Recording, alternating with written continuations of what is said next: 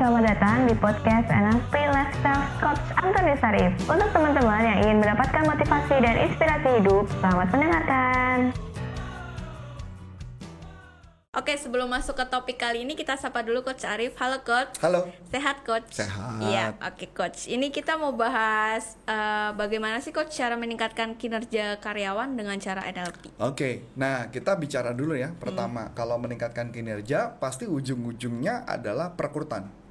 Hmm. Betul dong? Iya. Uh, kalau kita balik lagi pertama kalau kita mau merekrut karyawan yang oh, kalau mau develop karyawan yang paling penting pertama rekrutannya dulu mesti benar hmm. karena gimana pun juga kalau rekrutannya salah maka di developnya pun uh, bukan nggak bisa bisa tapi akan makan waktu sedangkan perusahaan kan butuhnya bertumbuh dengan cepat hmm. nah itu jadi isu Karin yang kadang-kadang perusahaan suka ngapain dia memaksa merekrut karyawan dengan kondisi yang masih belum bagus yang kadang-kadang dia masukin terus kemudian develop dan keburu fail duluan. Hmm.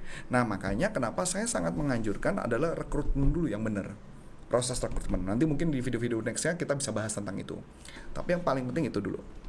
Nah yang kedua setelah sudah masuk dengan asumsi orang ini bisa jalan dengan kita maka baru kita develop. Kalau nggak nggak bisa. Itu dulu. Hmm. Nah udah ya. Nah seandainya misalkan kita anggap kenapa sih uh, kenapa sih uh, karyawan itu bisa nggak bertumbuh? Balik lagi, kalau di konsep kita kita menyadari ada yang namanya grow mindset dan fixed mindset, mm -hmm. betul dong? Nah kita udah tahu banget tuh. Jadi kalau kita kupas sedikit, grow mindset kan adalah orang yang mau bertumbuh, orang yang ngerasa gue bisa ngelakuin, dia memang pengen maju lebih mm. lagi. Tapi ada orang yang fixed mindset, yang dia nggak mau bertumbuh, dia nggak mau berubah, dia mau begitu-begitu aja, betul? Mm-hmm. Nah itu balik lagi kepada keputusan masing-masing. Makanya kenapa kalau dari buat saya di awal lebih baik ngerekrutnya yang bener dulu, masuk akal? Mm-hmm. Jadi ngerekrut yang bener dulu, baru kita ke level berikutnya. Kalau nggak nggak bisa. Sampai sini oke? Okay? Nah lanjut. Nah ketika ada karyawan, kita mau buat dia bertumbuh. Jadi pertanyaan yang menarik adalah uh, kita kan harus buat secara leveling dong, mm-hmm. jadi leveling. Jadi pengetahuan yang pertama ketika kita develop karyawan adalah kita harus memberikan program yang namanya diberikan ilmu dulu, diberikan pelatihan dulu. Nah, kebanyakan yang saya temukan adalah perusahaan memberikan pelatihan, kemudian cuma ada tes, tapi tidak ilmunya tidak dites, mm -hmm. apakah mereka benar-benar menerapkan atau tidak? Itu yang saya temukan banget tuh Karin. Karena juga temukan kan ada beberapa perusahaan bahkan kemarin kita meeting aja pun ada perusahaan yang nekat mau ngerekut kemudian hmm. diberikan pelatihan tanpa tes dan kemudian diterapkan diturunkan. Lah pertanyaan yang menarik lah tahu dari mana kalau ilmunya dipakai? Iya. Itu yang sering banget jadi isu. Nah makanya kalau di tempat kami kita mengatakan bahwa lebih baik enggak sih. Kalau saya lebih baik mendingan minimal dia menjalankan minimal dua minggu sampai satu bulan. Kalau enggak enggak karena percuma, karena kita tahu otak manusia daya tangkap tuh cuma tiga bulan paling lama maksimum Karin. Jadi ada namanya forgetting curve. Nanti mungkin benar ada gambarnya. Saya lupa hmm. persis angkanya. Kalau yang saya ingat adalah forgetting curve itu kalau misalkan contoh nih Karin belajar hari ini. Hmm. Besok itu Karin daya tangkapnya cuma tinggal 80% Karin. 20% udah menguap. Hmm. Besoknya lagi menguap lagi Karin. Dalam waktu tiga bulan tinggal nol berkurang terus gitu ya? Iya, terus buat apa belajar kalau gitu? Iya. Nah itu masalahnya jadi jadi tantangan. Hmm. Makanya kenapa nanti di sini ada tabelnya ya forgetting curve. Makanya kenapa saya sangat menyarankan bahwa lebih baik setelah selesai pelatihan orang tersebut harus dilakukan pendampingan untuk memastikan mereka bertumbuh. Kalau enggak nggak bisa. Kalau enggak nggak bisa. Kecuali Anda memang merekrut orang yang sudah bagus dari awal. Mm -mm. Kalau nggak nggak bisa. Masuk akal sekarang nih mm -mm. kan katanya ya. Nah, yang kedua setelah itu kan mereka di mentoring tuh di develop sama kita di mentoring dijagain gitu kan, dijagain supaya mereka ngejalanin dengan benar dan sebagainya. Nah, proses itulah proses memberikan feedback. Ketika mereka diajarin, terus kemudian diberikan feedback supaya mereka bisa jalan. Mm -mm. Kebanyakan orang mereka kalau dikasih feedback itu makanya kenapa orang itu bisa bertumbuh nggak bertumbuh tergantung dari feedback itu mm-hmm. kalau dia dikasih dikasih feedback dia nggak mau terima ya berarti nggak bisa memang orang itu nggak bisa ditumbuhin memang lebih baik dilepaskan makanya saya paham ada beberapa company punya peraturan main adalah probation tiga bulan dan enam bulan Nah, jadi kalau buat saya probation 3 bulan 6 bulan bukan masalah itu, tapi masalah orangnya bisa dikembangin apa enggak. Itu dulu.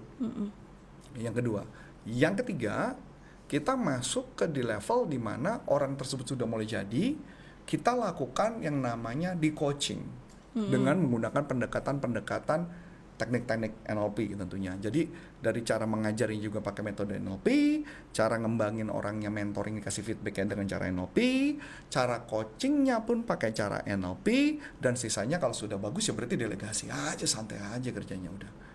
Sampai sini oke? Nah jadi maka proses ini yang harus dilakukan.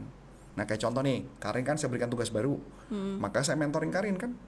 Nah itu maksudnya, itu proses mentoringnya.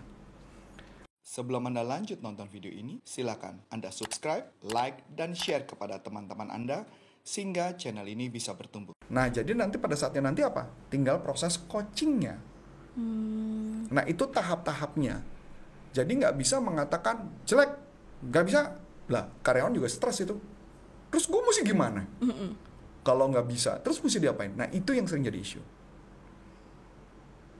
Masuk akal? Nah, jadi balik lagi. Gimana cara kita mendevelop ketika di tahap mentoring? Cara mentoring yang paling sederhana pakai rumusnya adalah apa? A P A.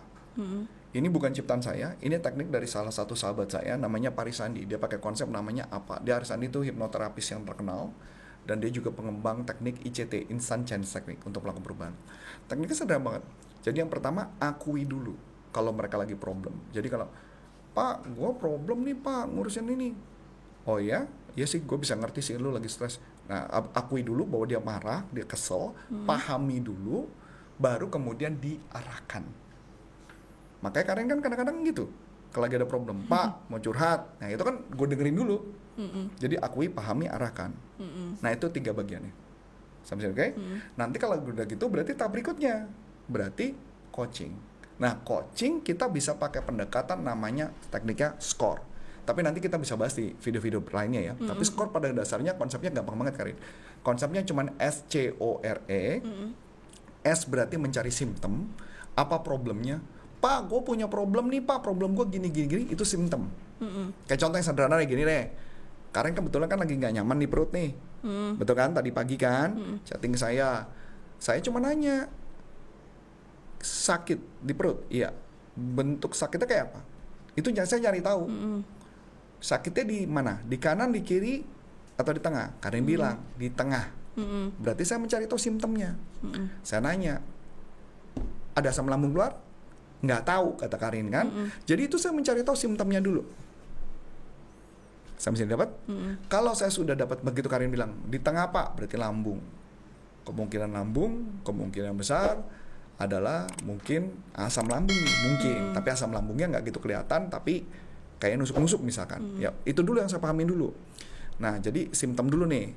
Kemudian masuk ke tahap kedua adalah cause mencari penyebab kenapa penyakit itu muncul. Sama kayak saya kemarin. Kemarin kan saya sempat diare. Dan saya gak aneh gitu. Kenapa diarenya berkepanjangan, udah minum obat, tapi berkepanjangan. Tapi walaupun belum ke dokter kan, saya bilang ini kayaknya ada something wrong nih. Tapi nggak tahu apa. Jadi saya udah mengamati tubuh saya, kok saya mengamati eh, sendawanya dan sebagainya dan sebagainya saya amati nggak nih harus ke dokter. Akhirnya ke dokter dong saya. Bener. Apa? Ada vi- ada bakteri, ada virus gitu ya. Ah, bukan virus ya, bakteri lah ya. Bakteri yang di perut mungkin nggak bagus. Nah dari situ dokter ngasih obat dan which is perut saya agak nyaman. Walaupun obatnya masih ada satu lagi yang harus makan. Tapi buat saya, saya malah harus melihat dulu penyebabnya apa. Nah kemudian saya cari tahu penyebabnya. Eh, penyebab. Dokter juga nanya yang sama, makan apa? Ada ada alergi makanan nggak? Dokter ada ngomong itu. Saya bilang setahu saya sih nggak ada dok.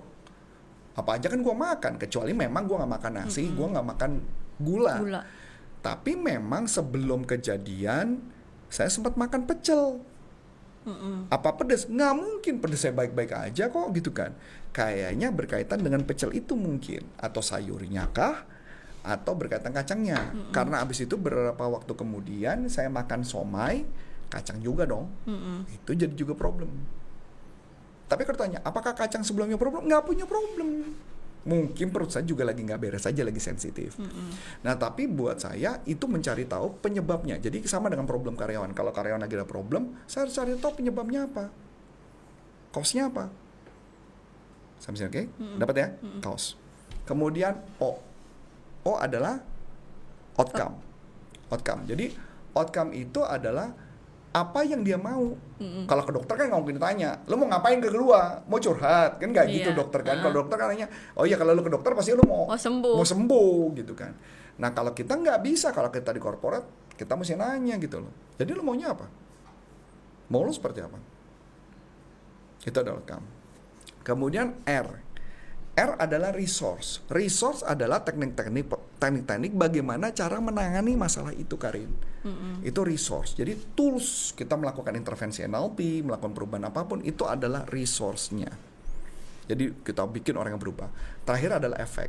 Efek adalah apa dampaknya setelah melakukan perubahan itu kita cek apakah orang itu terjadi perubahan apa enggak. Nah itulah tahap di mana ketika melakukan coaching untuk melakukan perubahan dengan satu syarat. Coaching hanya bisa dilakukan dalam dunia korporasi kalau orang itu udah punya ilmu. Kalau orang itu belum punya ilmu nggak bisa. Berarti harus satu balik lagi ke yang bagian pertama dulu. Nah sisanya itulah proses bagaimana menumbuhkan supaya hasilnya bisa bagus. Begitu Oke. Karin. Tadi untuk di outcome kan di eh, kayak ditanya ya coach, mau kamu tuh apa gitu ya. Hmm. Tapi kalau misalkan itu karyawan malah nanya balik, menurut menurut bos mau saya apa gitu? Eh, kalau gue jawab gitu, kapan kamu mengajukan surat resign? Oh, Oke, ini langsung aja Eh, ya. Kira gini loh. Kalau kalau kalau kalau mama kayak gitu kan pertanyaannya adalah kamu maunya apa? Kalau misal kamu nggak mau, menurut kamu job desk kamu udah sesuai apa belum? Kan balik lagi dong.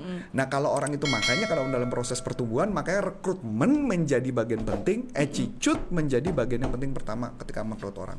Hmm, oke. Masuk akal sekarang? Oke. Nah, udah itu aja mungkin yang saya bahas. Kali paling nggak kali ini gitu. Nanti kalau kita mau bahas coaching, kita akan bahas nih cara te- teknik coaching nih. Gimana caranya mengcoaching karyawan supaya bagus. Tapi dengan satu syarat ya, bahannya harus bagus. Oh, oke. Kalau bahan nggak bagus, mau diapain juga susah. Kan gitu. Ya. Oke, coach, kalau misalkan mau ikut kelas NLP caranya gimana sih, coach? Nah, ikut masuk ke nlpleadershipindonesia.com dan kebetulan kita ada kelas sekarang namanya lisensi uh, Business Bisnis. Practitioner of NLP dan di approve oleh by Dr. Richard Bandler penciptanya NLP langsung. So akhir kata saya Coach Antoni Sarif dan Saya Karin. mengucap banyak terima kasih sukses buat Anda dan sampai jumpa salam performance. Bye bye. Nah, untuk teman-teman yang sudah menerangkan, terima kasih ya dan nantikan podcast selanjutnya.